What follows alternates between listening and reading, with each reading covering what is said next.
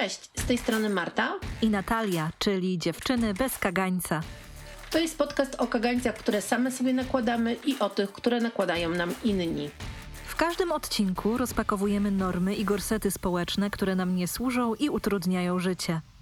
Gadamy o wszystkim, co w nas żywe, co nas porusza i skłania do mówienia sprawdzam. Marta, co dobrego Cię dziś spotkało? Natalia, jeśli powiem, że tą dobrą rzeczą, która mnie dzisiaj spotkała, jest to, że mój pies zjadł śniadanie, to będzie to śmieszne, nie? Nie. Nie będzie? No, bo ja pamiętam, że żaliłam się w którymś odcinku, że mój pies nie je e, i też dostałam bardzo dużo wsparcia, za które bardzo serdecznie dziękuję, e, ale naprawił się i je, i je śniadania, i je obiady, i je kolacje, więc e, jest to naprawdę bardzo fajne i dzisiaj jak mu tak nasypałam jedzonka, a potem sobie spokojnie odkurzyłam, a potem sobie wstawiłam pranie, a potem siadłam sobie do pracy, to pomyślałam sobie wow, jakie mam fajne życie, jaki mam dobry dzień i to mnie tak bardzo ucieszyło. To tak w nawiązaniu do tego, o czym mówiłaś ostatnio, że mogłabyś dostrzec coś dobrego właśnie w tych wszystkich aspektach, ale w perspektywie tego, że Cheddar nie chciał jeść, było ci trudno się z tym połączyć. A teraz jak widzę, cheddar zaczął jeść, więc łatwiej ci dostrzec te pozytywne rzeczy. Dokładnie. To było dla mnie, okazuje się, dość mocno frustrujące, że mam problem, którego nie umiem rozwiązać. Wiesz, to też była trochę taki, taka mm. historia o mnie, bo ja nie lubię nie umieć rozwiązywać problemów, a to był problem, z którym nie mogłam sobie poradzić. Na szczęście jest już dobrze i wszystko się dobrze skończyło, a piesek grzecznie zjada swoje jedzonko. E, ale tyle o mnie. A powiedz, co ciebie dobrego dzisiaj spotkało? Marta, to, co dobrego mnie dziś spotkało, to to, że mój blog obchodzi dzisiaj dziesiąte urodziny. Wow, ale piękna data. Więc dzisiaj świętuję, tak, dzięki. Czyli twój blog już jest 10 lat w sieci. Dokładnie tak, cała dekada. Pamiętam, jak się poznałyśmy, to było zaraz na początku, kiedy ty zaczynałaś e, tworzyć w sieci. Wtedy jeszcze nie było takich treści w ogóle w polskim internecie. Mm. Nawet jak się przedstawiałaś i mówiłaś, o czym piszesz, to ludzie byli tak zaskoczeni i takie mieli wow, naprawdę. A dzisiaj e, to jest e, już taki temat, który nie wydaje się jakiś trudny czy zaskakujący. Jakby taka dziedzina, edukacja seksualna której mamy coraz więcej twórców, no ale ty byłaś z tym pierwsza. Tak, wiesz co, jak najbardziej ja zauważam swoją pozycję jako pionierki w tej dziedzinie i wiesz co, myślę sobie, że nikt mi tego nie odbierze. Ja też tak myślę, jesteś po prostu promatką edukacji seksualnej w polskiej sieci i zrobiłaś wielką robotę dla tych wszystkich osób, które dzisiaj się też tym zajmują, bo na pewno jest tych osób dzisiaj więcej, ale też y, jesteś jedną z głównych e, osób, które wyznaczyły kierunek i trend, w jaki sposób my dzisiaj o seksualności w polskim internecie mówimy. Wiesz co, tak, ja to dostrzegam, dlatego że ja też często wspominałam o tym, że kiedy zaczynałam, to ten dyskurs wokół seksualności w polskich mediach, w polskim internecie był dość ograniczony. Tej sekspozytywności i też inkluzywności seksualnej było dosłownie jak na lekarstwo, więc moją misją było to zmienić i cieszę się, że ją kontynuuję. Także w ogóle bardzo dziękuję Ci za te wszystkie miłe słowa. I tak, i gdyby nie blog, to nie poznałybyśmy się, no bo były to kolonie blogerów. Dokładnie tak. Ja pa pamiętam to jak dziś, chociaż to już było bardzo dawno temu. Ja co prawda nie byłam blogerką, tylko przyjechałam tam z ramienia marki, która była partnerem i sponsorem tego wydarzenia. Ty przyjechałaś tam jako twórca internetowy i tam się poznałyśmy. No i ja się też bardzo cieszę, że nasza znajomość tyle lat trwa i czasem jest mniej intensywna, czasem bardziej intensywna, ale że doprowadziła nas do tego miejsca, e, w którym jest nasze wspólne nagrywanie podcastu, bo to jest bardzo fajne uhonorowanie tej naszej dziewięcioletniej znajomości. Albo ukoronowanie. Może być i uhonorowanie, i ukoronowanie jednocześnie. E, I cieszę się, że już dzisiaj e, przed nami siódmy odcinek naszego podcastu, bo dzisiaj będziemy rozmawiać o wstydzie, Mhm. E, I e, nie wiem, czy mogę to powiedzieć, ale powiem. Nagrywamy ten odcinek tak naprawdę drugi raz, bo okazało się, że w tym temacie wcale nie idzie mi tak łatwo rozmawianie, jak mogłoby się wydawać. No i zdecydowałyśmy się, że po prostu zrobimy to jeszcze raz, bo muszę sobie trochę rzeczy przemyśleć, żeby o nich spokojnie opowiedzieć. Mhm. Ale wiesz co, myślę sobie, że to bardzo ważny komentarz też dla osób, które słuchają, że czasami niektóre tematy, gdy do nich się zabieramy dość szybko i przystępujemy do nich, mogą jednak okazać się zbyt niewygodne i nie na teraz, więc czasami dobrze jest zrobić sobie taką przerwę, żeby z jakimś zagadnieniem posiedzieć, być może coś poczytać, poczuć i wrócić do niego, kiedy będzie się miało większą gotowość. Więc bardzo Ci dziękuję, że o tym mówisz. Czyli podsumowując, dzisiaj opowiemy bez wstydu o wstydzie. Tak, bo Poprzedni odcinek zaczęłaś od historii, która myślę jest bardzo dobrym punktem wyjścia do tematu wstydu, zawstydzania. I powiedz mi, czy chciałabyś ją przytoczyć raz jeszcze? No, ponieważ słyszałaś ją naprawdę tylko ty, a chcemy, żeby usłyszeli ją też nasi słuchacze i nasi, nasze słuchaczki. Ekskluzyw. To opowiem ją jeszcze raz. W ogóle wszystko zaczęło się od tego, że kiedy zaczęłam e, pracować nad naszymi tematami do odcinków, żeby Ci je zaproponować, e, to pomyślałam, że mogłybyśmy nagrać odcinek o ulubionych rzeczach. I e, wtedy przypomniała mi się taka historia, jak kiedyś zapytałam Cię o Twój ulubiony wibrator, i ty zadałeś mi takie pytanie, czy to był, czy chodzi mi o ten jeden, jedyny, który zabrałabyś na bezludną wyspę. No ja powiedziałam tak, dokładnie taki sprzęt, który wiesz, jakbyś nie mogła niczego innego zabrać z domu, z, ze swojej walizki tych e, przyrządów około seksualnych, to co byś wzięła. No i ty wtedy podałaś mi linka, e, ja sobie ten przedmiot e, zobaczyłam, ale potem, kiedy pomyślałam, że mogłobyśmy o tym rozmawiać w odcinku, to przyszło, przyszedł mi do głowy kolega mojego męża. I mhm. poczekaj, zanim zrobi się dziwnie, dlaczego on mi przyszedł do głowy? Dlatego, że w moim życiu był taki okres, kiedy mam wrażenie, byłam trochę śledzona w mediach społecznościowych. Mój mąż miał takiego kolegę, e, nazwijmy go Pesz, e, który nie wiem dlaczego jakoś się na mnie uwziął i zaczął śledzić mojego Instagrama i robić z tego Instagrama screeny różnych zdjęć, które wrzucam. E, nie było to jakieś gorszące zdjęcia, to były takie zdjęcia z mojej codzienności, czyli wiesz, zdjęcie w przymierzalni w sukience, bo szłam na wesele, czy na przykład y, wybrać tą czy tamtą zdjęcia z jakichś e, zajęć, e, zdjęcia z takiej codzienności. Czyli normalne aktywności normalnej kobiety na Instagramie. Dokładnie tak. I jakby mi się wydawało, że jakby wszystko jest ok, nie robię nic jakiegoś zdrożnego. E, nawet się nad tym nie zastanawiałam, po prostu wiesz, jakby sobie żyłam, działałam.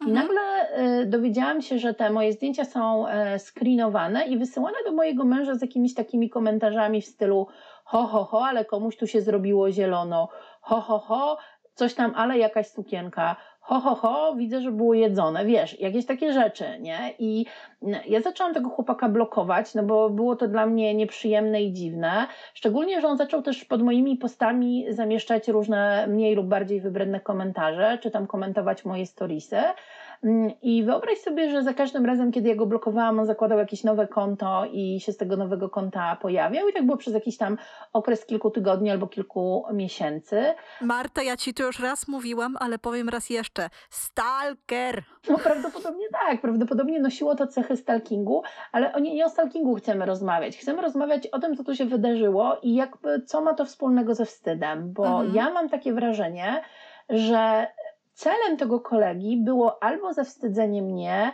albo zawstydzenie mojego męża. I szczerze mówiąc, nie wiem, gdzie go to miało zaprowadzić i co on chciał tym osiągnąć. A masz jakieś domysły na ten temat? Bo wiesz, ja się zastanawiam, czy my się tutaj poruszamy po obszarze wstydu, zawstydzania, czy może po tych innych emocjach, które ze wstydem się łączą, a mianowicie emocjach i działaniach, którymi są upokorzenie i poczucie winy. Jak ty to widzisz? No właśnie, to jest bardzo ciekawe, dlatego że ja mam takie wrażenie, że on dążył do zawstydzenia mnie. Mhm. I do tego, żebym, nie wiem, e, poczuła się źle z tym, co robię, e, żebym, nie wiem, może przestała to robić, ale mam takie wrażenie, że on chciał wywołać we mnie jakieś poczucie wstydu. Mhm. I pytanie, udało mu się? Wiesz co, no właśnie, według mnie nie udało mu się, natomiast jeżeli zinterpretujemy to, że ja go w końcu odcięłam i e, zaczęłam go blokować i jakby przestało mu się wyświetlać moje treści z tego powodu, że nie miał do nich dostępu, no to pytanie, czy ja się zawstydziłam? Hmm. Skoro wykonałam jakieś akcje i nie spłynęło to po mnie jak po kaczce i nie powiedziałam sobie, człowieku, ja się nie mam czego wstydzić, więc jakby robię swoje dalej, a ty sobie wysyłaj te swoje głupie komentarze. Ja mam taką teorię, że nie da się zawstydzić kogoś tym, czego ta osoba się nie wstydzi. Więc pytanie, czy w wyniku tego działania, tego perza, przestałaś zamieszczać tego typu treści? Przestałaś to robić? No właśnie nie, do tej pory wrzucam jakieś zdjęcia z codzienności, teraz już bardziej storiesy, no bo wiadomo, że Instagram bardziej premiuje storiesy niż posty. E, ja nie przestałam tego robić, więc jakby nie, zgodnie z tą teorią nie udało mu się mnie zawstydzić, mhm. ale jednocześnie ograniczyłam go, zablokowałam jego konta, przestało mi się wyświetlać jego komentarze, a jemu się przestało wy, wyświetlać moje treści. Czy to świadczy o tym, że zawstydził mnie? Marta, ale ty wcale nie musisz przyjmować wszystkiego na klatę, stać dumnie wyprostowana, gdy ktoś tak naprawdę narusza Twoją przestrzeń, Twoją przestrzeń wirtualną, panoszy się w niej nieprzyjemnymi komentarzami, które budzą Twój dyskomfort. I to wcale nie znaczy, że jeżeli postanowiłaś się od tego odciąć, jeżeli wyznaczyłaś granice, że jego zawstydzanie odniosło skutek. Bo dla mnie takim skutkiem byłoby to, gdybyś całkowicie zaniechała publikowania tego typu treści, które publikowałaś, zamiast po prostu, no wiesz, pozbyć się perza. Czy ma to sens? Jak najbardziej ma to sens. Czyli e, w zawstydzaniu ważniejsze jest to, co my tak naprawdę będziemy odczuwali. I to się chyba wiąże z tym, o czym też rozmawiałyśmy poza, e, poza nagraniem, że właściwie mamy takie trzy stany, które wiążą się ze wstydem. Mhm. I pierwszy to jest to, że odczuwamy wstyd, drugie, że odczuwamy poczucie winy, a trzecie to to, że czujemy się upokorzeni. I jakbyś teraz mogła opowiedzieć o każdym z tych uczuć stanów, to łatwiej by nam było też wytłumaczyć, czym one się różnią. Bardzo chętnie o tym opowiem, bo myślę, że wielu ludzi nie rozróżnia tych trzech stanów emocjonalnych, a jest to mimo wszystko dość istotne, bo to też daje nam wskazówkę, jak z każdym z nich sobie radzić, jak z każdym z nich pracować. Myślę, że tak najbardziej łopatologicznie warto byłoby powiedzieć o wstydzie i poczuciu winy jako obok siebie, dlatego że wstyd pojawia się w tych sytuacjach, w których mamy poczucie, jest ze mną coś nie tak, jestem nie taka. I to jest skierowane do wewnątrz, czyli dostrzegamy, zauważamy jakieś swoje wady i przywary, a w związku z tym blokuje nas to przed podejmowaniem konkretnych działań. Poczucie winy dotyczy zaś robienia czyli pojawia się w tych sytuacjach, w których mamy poczucie, że zrobiłyśmy coś złego. I to też nie jest tak, że te emocje są bezużyteczne, bo dzięki nim możemy tworzyć harmonijne społeczności, harmonijne relacje i postępować etycznie wobec innych ludzi, bo funkcja wstydu i funkcja poczucia winy jest taka, kiedy jest on zdrowy, czyli kiedy nie uderza w te toksyczne rejony, że podejmujemy jakieś działania naprawcze. Powiedzmy, zraniłam ciebie jakimiś słowami, które padły nie w tym czasie i nie w takiej formie, jak chciałam, żeby wybrzmiały, więc mój wstyd i moje poczucie winy spowodują, że cię przeproszę i zapytam, jak mogę tę sytuację naprawić. Czy ma to sens? Jak najbardziej ma to sens, czyli wstyd trochę jest naszym takim drogowskazem wewnętrznym, mhm. który informuje nas o, o tym, że odczuwamy sami, że coś, coś poszło nie tak. Czyli jakby zarówno wstyd i to poczucie winy mówią nam, że nie do końca czujemy się sami ok z tym, co czujemy, z tym, jacy jesteśmy, czy z tym, co zrobiliśmy. Mhm. I tutaj myślę, że warto dodać bardzo ważną rzecz, że wstyd się bardzo mocno powinien łączyć w nas z granicami. Ja myślę, że my żyjemy w czasach, kiedy odczuwamy bardzo dużo wstydu, że ta presja zewnętrzna jest bardzo, bardzo silna, bo my się wstydzimy bardzo wielu rzeczy. Możemy się wstydzić mhm. tego, jak wyglądamy, możemy się wstydzić tego, że nie wiem, możemy się wstydzić nosić kolory, możemy się wstydzić nosić kolorowe włosy, albo przeciwnie, nosić siwe włosy i farbować się. Możemy się wstydzić tego, jak zachowują się nasze dzieci. Możemy się wstydzić tego, ba, jak zachowują się nasze psy na placu zabaw z innymi psami. Winna. No, my jesteśmy, no, my jesteśmy psimi matkami, więc jak będziemy mówić trochę o przykładach z życia, Możemy się wstydzić tego, jak ubierają się nasi partnerzy, chociaż generalnie w ogóle nie powinniśmy się tego wstydzić, bo jakby nie, nie mamy na to wpływu i nie mamy z tym związku żadnego. Chodzi o to, że jakby ta presja społeczna jest dzisiaj chyba bardzo duża i to jest taka presja zarówno wychodząca z tradycyjnych mediów, e, z tradycyjnego modelu rodziny, z tradycyjnego modelu edukacji, e, z mediów społecznościowych, które powoduje, że my tych powodów do wstydu możemy sobie zbudować bardzo, bardzo wiele. I teraz taki zdrowy, wewnętrzny, nawet nie chcę powiedzieć kręgosłup, ale taka, takie po, zdrowe poczucie własnej wartości e, i do tego zdrowe granice mogą nam pozwolić, żeby nie odczuwać tego wstydu nadmiernie, żeby to nie było coś, co po prostu odczuwamy od momentu, kiedy się obudzimy i obudziłyśmy się, nie wiem, za późno, za wcześnie, wzięłyśmy za szybko telefon do ręki, a nie należy brać telefonu, zjadłyśmy na śniadanie dużo kalorii, zjeść, zjeść mniej.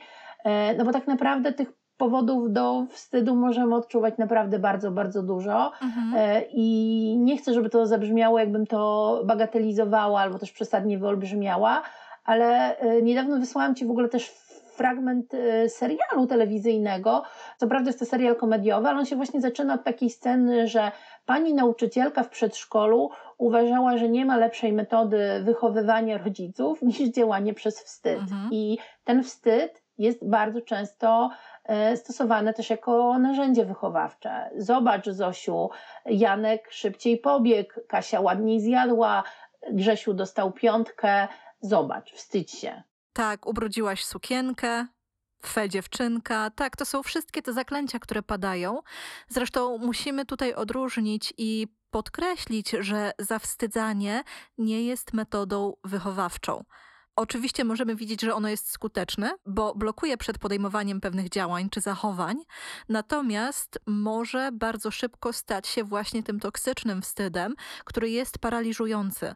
Bo wyobraźmy sobie, że tak bardzo wstydzimy się tego, co mówiłaś, wstydzimy się tego, jak wyglądamy, wstydzimy się tego, że czegoś nie potrafimy, że na przykład nie potrafimy się zachować, nie? Bo to też się wiąże z takimi wykształconymi przekonaniami na własny temat, że takie dobre, harmonijne życie staje się w wyniku tego niemożliwe.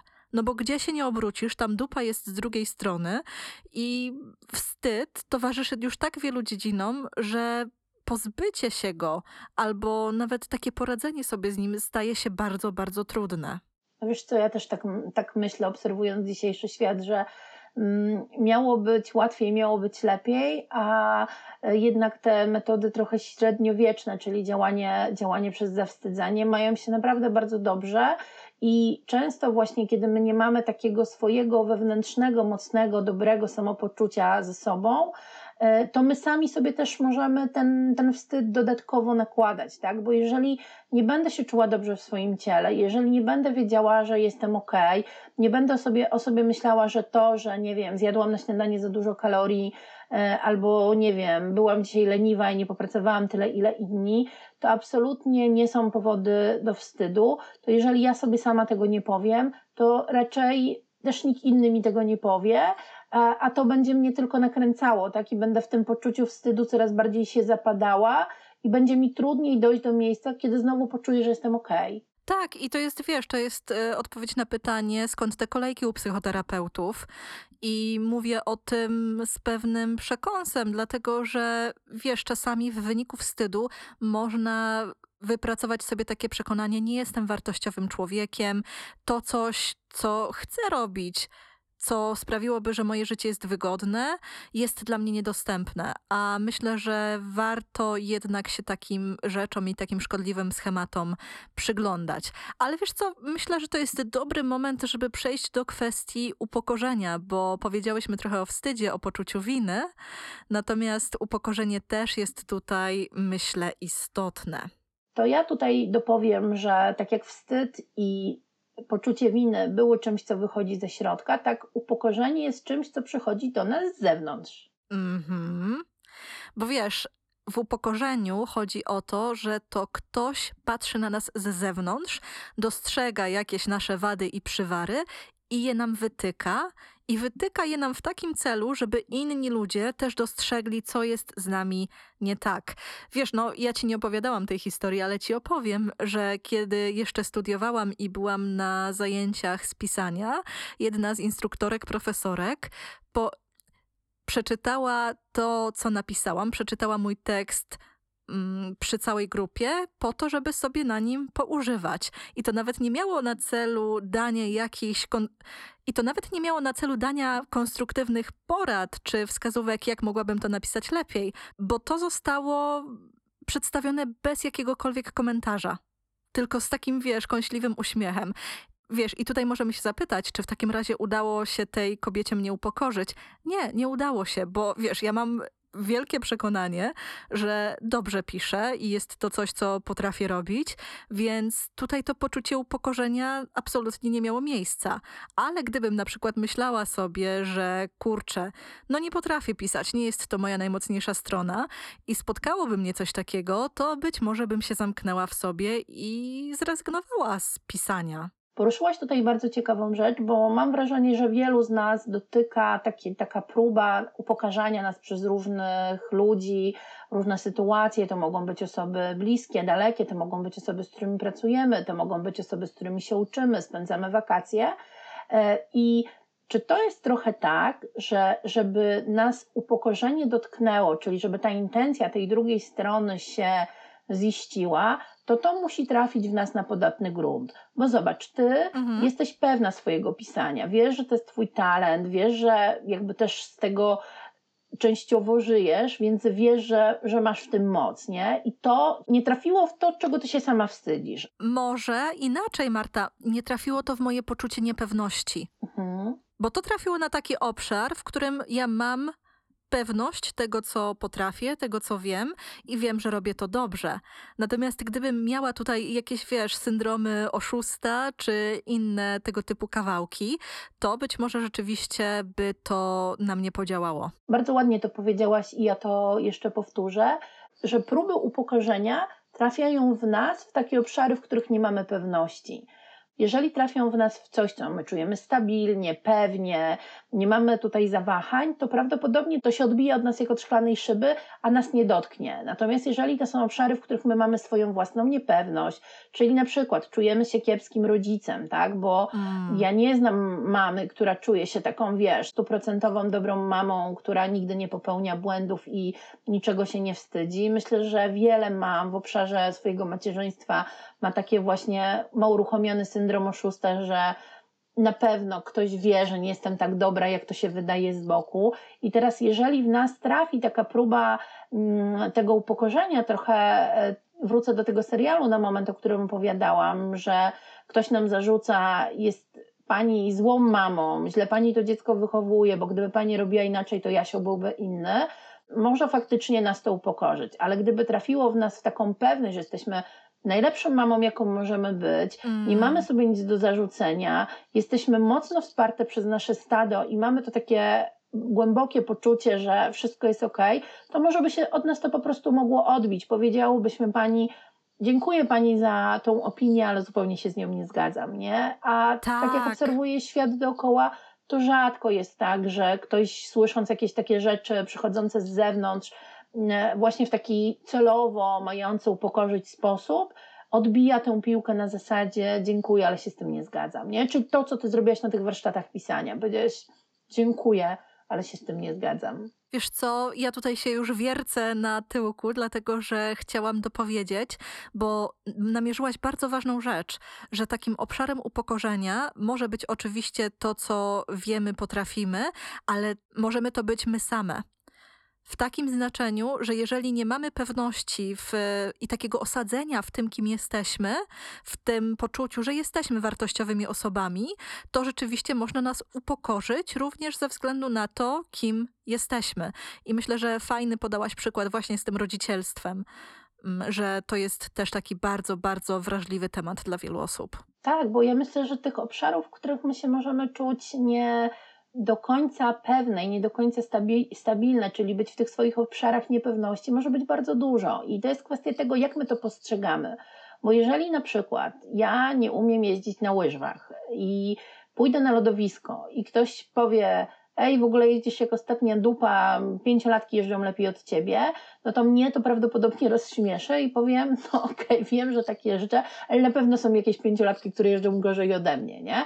Więc bardziej się z tego będę mogła śmiać. Natomiast jeżeli ktoś trafi w miejsce, które ja sama mam bardzo niepewne i dokładnie tam wyceluję, no to udam, udam mu się mnie upokorzyć. I jakby nie chcę tutaj przytaczać przykładów z życia, ale pewnie można sobie takie sytuacje wyobrazić, bo one mogą być, nie wiem, mieć związek z naszym wykształceniem, z naszym statusem materialnym, no i z wieloma, wieloma innymi e, obszarami naszego życia, bo tak jak powiedziałyśmy, wstyd e, i wpędzanie w poczucie winy są obszarami, które dotykają chyba każdego aspektu naszego życia, od y, jedzenia, wykształcenia, y, pracy, przez y, zachowania seksualne. No, jakby wszędzie tam te dwie, dwie emocje się mogą pojawić.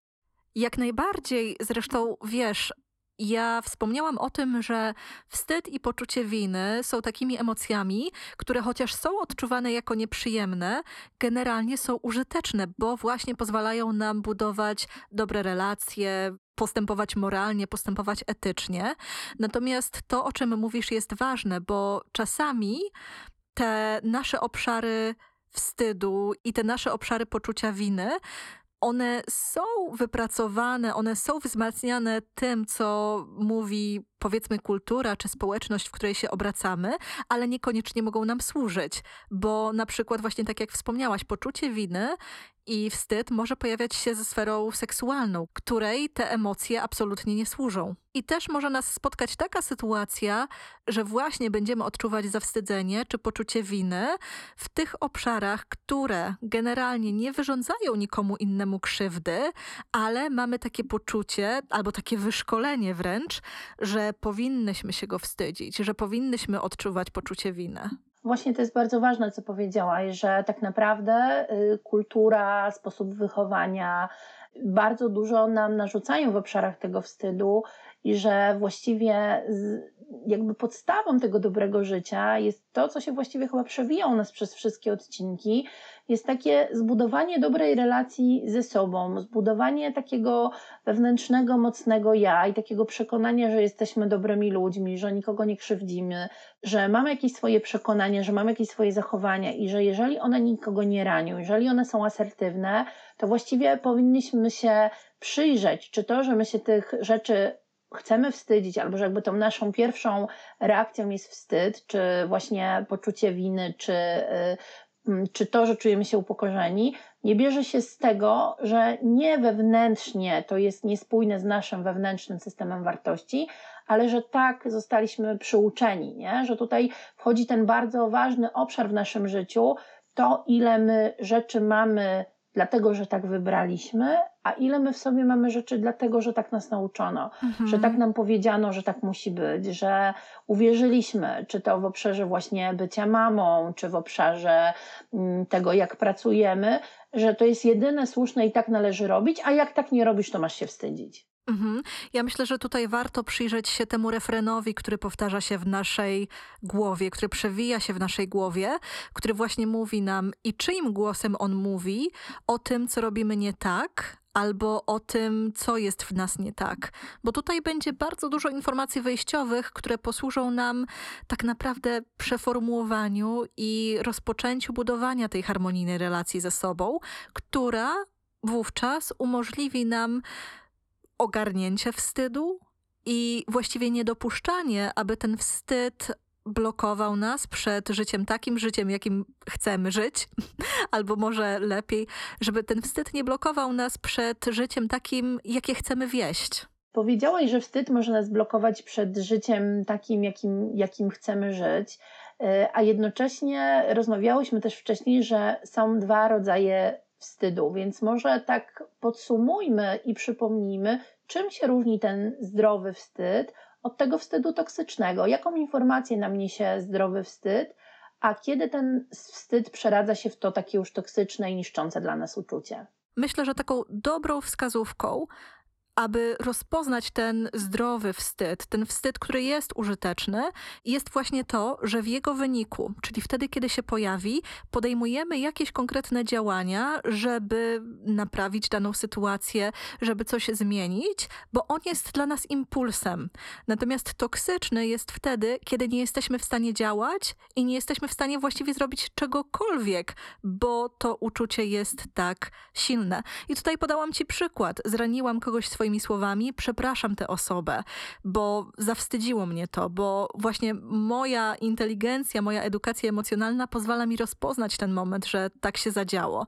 Natomiast gdyby ten wstyd był toksyczny, to być może nawet nie rozmawiałabyś z tą osobą, wstydząc się, wstydząc się zaocznie, że na pewno ją czymś zranisz, gdy tylko porozmawiacie. Ja myślę, że takim też przykładem tego, e, co kiedy jest ten zdrowy wstyd, a kiedy jest ten wstyd toksyczny, może być to, że kiedy na przykład e, wstydzimy się jakiś e, luk w swojej edukacji, to mówimy sobie, o kurczę, to ja się teraz muszę e, podszkolić w tej dyscyplinie, muszę, nie wiem, wziąć 3-4 lekcje z native'em, żeby mój język mówiony był bardziej płynny, albo wstydzę się, że jak idę z dziećmi na narty, to tam ich nie doganiam, to wezmę sobie kilka lekcji z instruktorem, a ten wstyd toksyczny byłby taki, który by powiedział, nie, to już teraz nigdy nie odezwę się w języku obcym, bo głupio i wstyd, albo no to teraz już nikt z nas nie będzie jeździł na narty, bo, no bo ja się wstydzę tego, jak jeżdżę, tak? Dokładnie tak. I tutaj też myślę, że warto siebie zapytać, że skoro mam dostęp do pewnych rozwiązań, które pozwalają mi uporać się ze wstydem, mam dostęp do pewnych zasobów, powiedzmy, mogę sobie zorganizować jakąś lekcję, mogę się gdzieś podszkolić, czy uważam to dalej za użyteczne, zgodne z moimi wartościami i tym, co chcę robić. Bo wiesz, możemy sobie mówić, że okej, okay, wstydzę się tego, że nie jeżdżę tak szybko jak ktoś inny, ale tutaj też warto podrążyć dalej, czy ja właściwie muszę to robić, bo z jakiego miejsca to wychodzi. No wiesz, jak opiekujesz się dwójką dzieci na stoku, to lepiej, żebyś jednak jeździła przynajmniej tak szybko jak one, nie? Bo jak ci znikną z oczu, to będziesz miała trochę problem, ale to jest taki, to tak trochę sobie z tego, z tego żartuję. No ale tak, bardzo dobrą i wartościową rzecz tutaj poruszyłaś Natalia, żeby się przyjrzeć skąd ja mam ten wstyd, czyim głosem on do mnie mówi, dlaczego ja myślę, że tak musi być, bo może, może tu, gdzie jestem jest wystarczająco dla mnie, a to, gdzie chcę być i wstydzę się, że tam nie jestem, to wcale nie jest moje, tylko jest...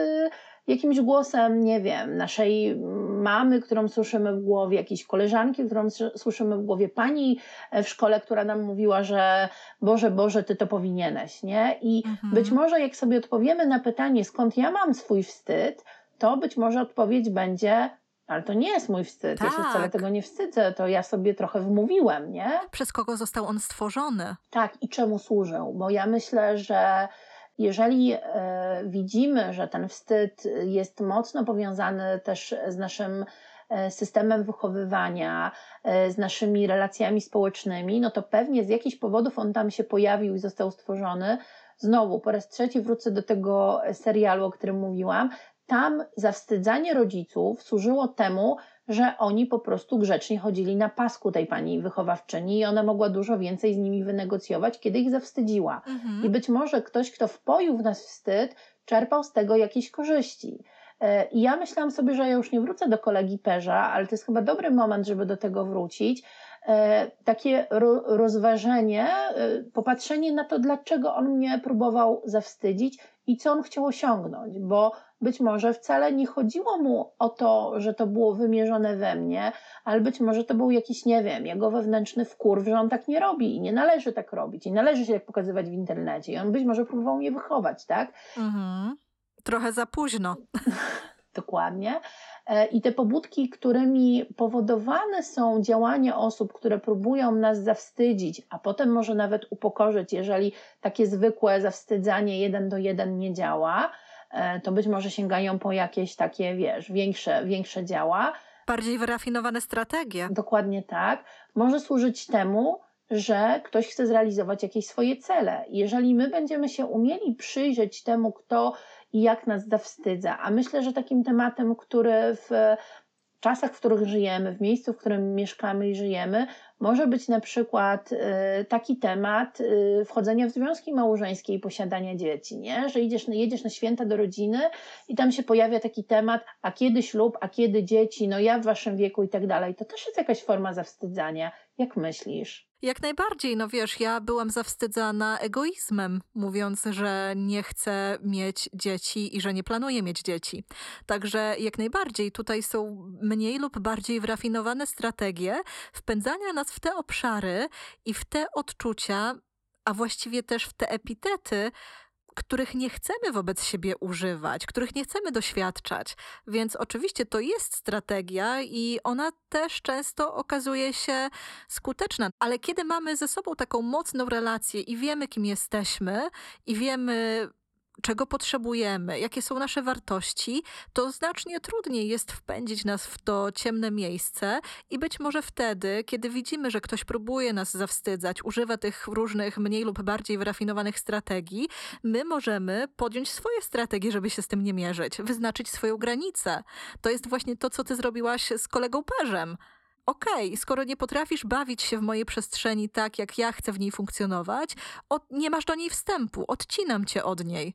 I to było właśnie dla mnie takim przykładem wyznaczenia granicy i też, no właśnie, postąpienia w zgodzie ze sobą, z tym, czego ty nie chcesz doświadczać. Tak, ja myślę, że tą taką strategią na właśnie takie rzucane mimochodem przez ciocie, wujków i babcie, kiedy ślub, kiedy dzieci, e, może być też odpowiedzenie sobie na pytanie, jakie cele ma realizować to pytanie, jakie cele ma realizować to zawstydzanie, bo wtedy może nam wyjść, że wcale nie chodzi o nas, że absolutnie nikt nie kieruje się naszym szczęściem, naszym dobrym życiem, tylko ten ktoś kieruje się jakimś swoim chceniem, jakąś swoją wolą, a nawet często tym, że tą babcię, czy ciocię, czy mamę zawstydza kto inny. Koleżanki w pracy, otoczenie, e, inny wujek i ciocia, który mówi, no a ty to kiedy będziesz miała te wnuki, nie? I ona wtedy mm. jakby znosi to dalej i to dalej też nie jest jakby coś, co wychodzi od tej osoby, tylko wychodzi z zupełnie innego miejsca. I czasami jak my sobie odpowiemy, skąd ja mam ten wstyd, skąd ma ten wstyd ktoś, kto mi go przynosi,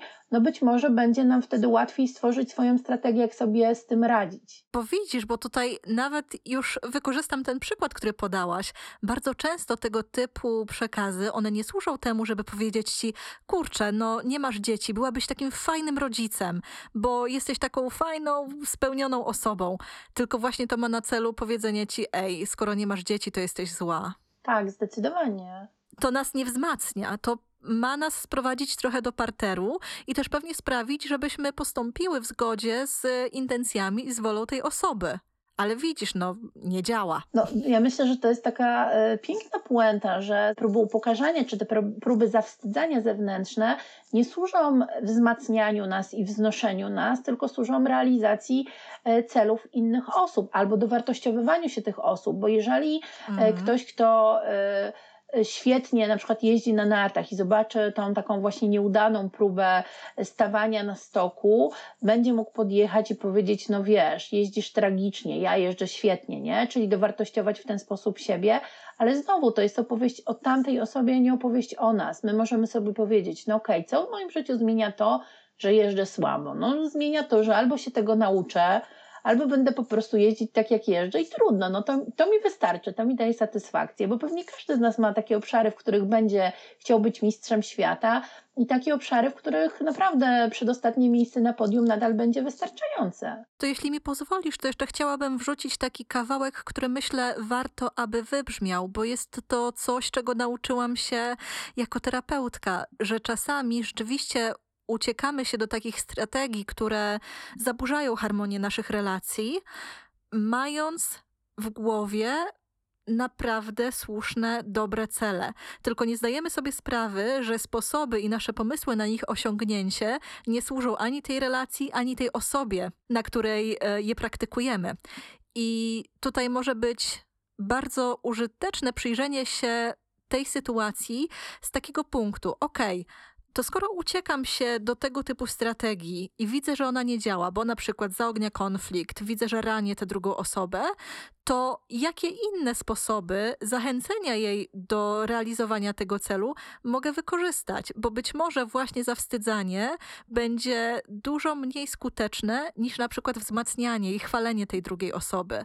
Więc oczywiście ja bym też nie dyskredytowała, że wszyscy ludzie są okrutni i mają na celu upokorzenie nas i wpędzenie nas w ciemne miejsce, bo czasami to wychodzi właśnie z takich dobrych intencji, tylko nie mamy wystarczającej wiedzy i nie mamy wystarczających strategii, żeby je umiejętnie wprowadzić i komunikować. Dlatego widzisz, terapia się czasem przydaje. No dobra, ale poruszyłaś tu bardzo ciekawy temat. Czy jakiś przykład na takie pokazanie e, tej sytuacji, w której te nasze dobre intencje, nie umiemy ich przełożyć na taki pozytywny, wzmacniający komunikat, tylko właśnie znowu wchodzimy w ten schemat i działamy bardziej tym zawstydzeniem. Wiesz co, no takie pierwsze, co mi przychodzi do głowy, to wiesz, no takie bardzo abstrakcyjne. Wychowanie kogoś na dobrego człowieka. I czasami możemy mieć taki pomysł, że wychowywanie na dobrego człowieka będzie właśnie polegało na wytykaniu błędów, na poniżaniu, kiedy te błędy się pojawią. Czasami to też przyjmuje wymiar wymierzania kar cielesnych czy innych bardzo dotkliwych właśnie form karania tego człowieka, tego małego człowieka. Natomiast okazuje się, że wzmacnianie i podawanie przykładów, które są pozytywne, budowanie z tym małym człowiekiem relacji działa dużo skuteczniej niż na przykład wywoływanie w nim strachu. Czyli robienie i postępowanie tak, aby widział w nas bezpiecznego, harmonijnego, zbalansowanego dorosłego, który może być takim przykładem właśnie bycia przyzwoitym człowiekiem. To mi się teraz nasunął taki inny przykład, związany też z dzieckiem, ale trochę starszym, kiedy na przykład jesteśmy rodzicami nastolatka i bardzo chcemy, żeby ten nasz nastolatek miał dobre życie, a żeby miał dobre życie, to żeby miał dobre wykształcenie, a żeby miał dobre wykształcenie, to może najpierw niech zda maturę i tak jakby mamy te dobre intencje, i kiedy z tymi takimi dobrymi intencjami, wyładowanymi pod sufit, wchodzimy do pokoju i widzimy, że ten nastolatek się nie uczy, to zamiast powiedzieć coś wzmacniającego, wyrywa nam się jak się nie będziesz uczył, to będziesz kopał rowy, nie? No i co robimy? No i jakby zawstydzamy tego nastolatka i wcale nie, nie dajemy mu tego pozytywnego, pozytywnego przekazu, tylko ten przekaz, przekaz taki bardzo negatywny. Albo kiedy widzimy, że osoba nastoletnia zaczyna się interesować jakimiś kontaktami intymnymi, seksualnymi, to wtedy też możemy mieć taką pokusę, żeby tego typu kontakty jej obrzydzić, żeby ją nimi wystraszyć. A zamiast tego możemy na przykład zapytać: OK, to co ja mogę zrobić? Gdzie mogę Cię skierować, żeby Twoje życie w obszarze relacji seksualnych, intymnych było bezpieczniejsze, żebyś miał czy miała takie poczucie, że masz wiedzę i że postępujesz bezpiecznie. Na ile jest to możliwe? No, bardzo, bardzo fajne rozwiązanie i myślę, że też takie właśnie wartościowe dla rodziców, zarówno dzieci małych, bo one bardzo szybko rosną i za chwilę będą tymi nastolatkami, jak i nas samych, żeby właśnie wychodzić z tych schematów, w których funkcjonujemy i przełamywać te rutyny, które mamy w głowie, bo miało tak nasze rodziny, bo tak zostaliśmy wychowani i jakby operujemy w tym takim znanym nam świecie, a jednak przecież można pewne rzeczy załatwić inaczej. Szczególnie, że taki toksyczny wstyd, takie to, że się w tym wstydzie będziemy zamykać, że w pewnym momencie stracimy taki zdrowy osąd sytuacji, że nie będziemy umieli się już wewnętrznie wesprzeć, może prowadzić do takich ciężkich stanów, może prowadzić do jakichś yy, zaburzeń, do izolacji, może prowadzić do stanów depresyjnych, stanów lękowych, z których nie będziemy potrafili samodzielnie wyjść. I czy wtedy jeszcze powinniśmy walczyć jakby sami o to, o to, żeby się stamtąd uratować, czy czasami po prostu terapia jest jedynym rozwiązaniem i wyjściem z takiej sytuacji? Wiesz co, trudno mi udzielić jednoznacznej odpowiedzi, dlatego że myślę, że dość łatwo jest nam operować taką dychotomią tylko terapia albo praca własna wystarczy.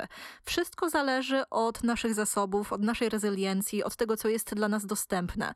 Bo jednej osobie naprawdę wystarczy przeczytać jakąś książkę o wstydzie, jakiś poradnik i popracować ze sobą, podczas gdy inna będzie wymagała wsparcia w tym procesie, ale tutaj myślę, że to nie jest aż tak zero-jedynkowe. Nie możemy pytać siebie, ok, to na ile ten wstyd w skali od 1 do 10 musi być silny i blokujący, żeby już na terapię, czy żeby jeszcze poradzić sobie jakimś zeszytem ćwiczeń.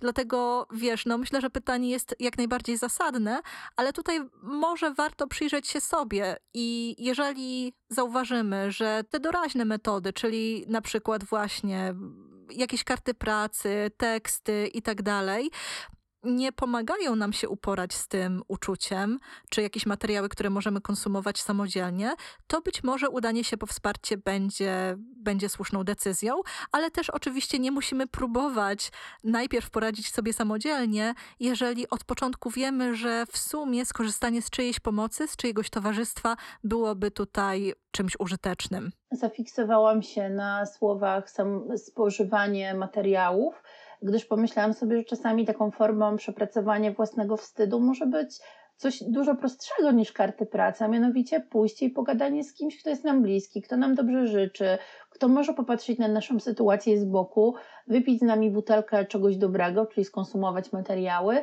i wyprowadzić nas z tego wstydu, nie? To jest właśnie to, o czym rozmawiałyśmy w odcinku o stadach, że jeżeli będziemy mieli wokół siebie takie wspierające nas grono, do którego mamy zaufanie i w którym możemy znaleźć to wsparcie, to czasami takie małe wstydki, wstydy jesteśmy sobie w stanie z tymi osobami wypracować. Bo jeżeli na przykład, nie wiem, ja E, będę się wstydziła nosić różowe włosy, ale będę chciała, no to pójdę do jakiejś mojej koleżanki, która powie, stara, w ogóle przecież te włosy odrosną, ale w ogóle jak nie będą ci się podobały, to zrobisz jeszcze raz czarne, w ogóle go, nie, rób. I, I czasami takie proste, małe słowa mogą te takie nasze małe wstydy i wstydki e, skutecznie rozładować, a kiedy te nasze małe wstydy i wstydki stają się dużymi wstydami, E, ogromnymi poczuciami winy, wpędzeniem nas w to poczucie winy, z którym sobie nie poradzimy, no to dostępne są dla nas też inne metody. I myślę, że ważne jest to, żeby w ogóle nie wstydzić się wstydu, tego, że go mm. odczuwamy, tego, że on nam towarzyszy, żeby zrozumieć, skąd on się nas, w nas bierze, czyim głosem do nas mówi yy, i żeby zobaczyć, czy on nam daje, no bo ten wstyd taki e, zdrowy może nam dawać, czy on nam odbiera, a jeśli nam odbiera, no to po prostu zacząć coś z nim robić. Czy ma to sens? Marta, jak najbardziej ma to sens, więc myślę, że to jest dobry moment, abyśmy zapytały siebie, co zabieramy z naszej dzisiejszej rozmowy. Ty pierwsza. Ja zabieram przede wszystkim to, że sytuacja, w której odcięłam kolegę Perza od moich mediów społecznościowych, nie jest moim przyznaniem się do tego, że odczuwam wstyd z powodu tego, co tam robię, tylko moim zdrowym zadbaniem o moją przestrzeń, mój komfort i o to, żeby mi było dobrze, dobrze w moich miejscach. I myślę, że to jest cenna rzecz, którą zabieram. E, no i oczywiście też to, że warto się przyglądać, czyim głosem mówi do nas wstyd i tak naprawdę czyje interesy reprezentuje. Bo mhm. czasami odpowiedź na to proste pytanie może nas y, skutecznie z tego wstydu wyleczyć. A ty, Natalia, co zabierasz? Wiesz co, ja zabieram słowa, które padły z Twoich ust pod koniec dzisiejszego odcinka, mianowicie to, że wstydu nie należy się wstydzić. I myślę sobie, że takich nieprzyjemnych emocji, ich odczuwania, ich przeżywania generalnie nie powinno się wstydzić. Nie należy się wstydzić, dlatego że one też są w naszym życiu istotne. Więc fajnie, że odczarowałaś właśnie też to rozmawianie o wstydzie z bliskimi osobami, z otoczeniem i przynoszenie go jako tematu rozmów, jako tematu być może takich przyjacielskich interwencji, bo one rzeczywiście mogą nam bardzo pomóc w radzeniu sobie z trudami związanymi z tą emocją. Także bardzo Ci za te słowa dziękuję i chciałam, żeby wybrzmiały jeszcze raz. To były Dziewczyny bez kagańca. Subskrybuj nasz podcast i podaj go dalej. Do następnego razu.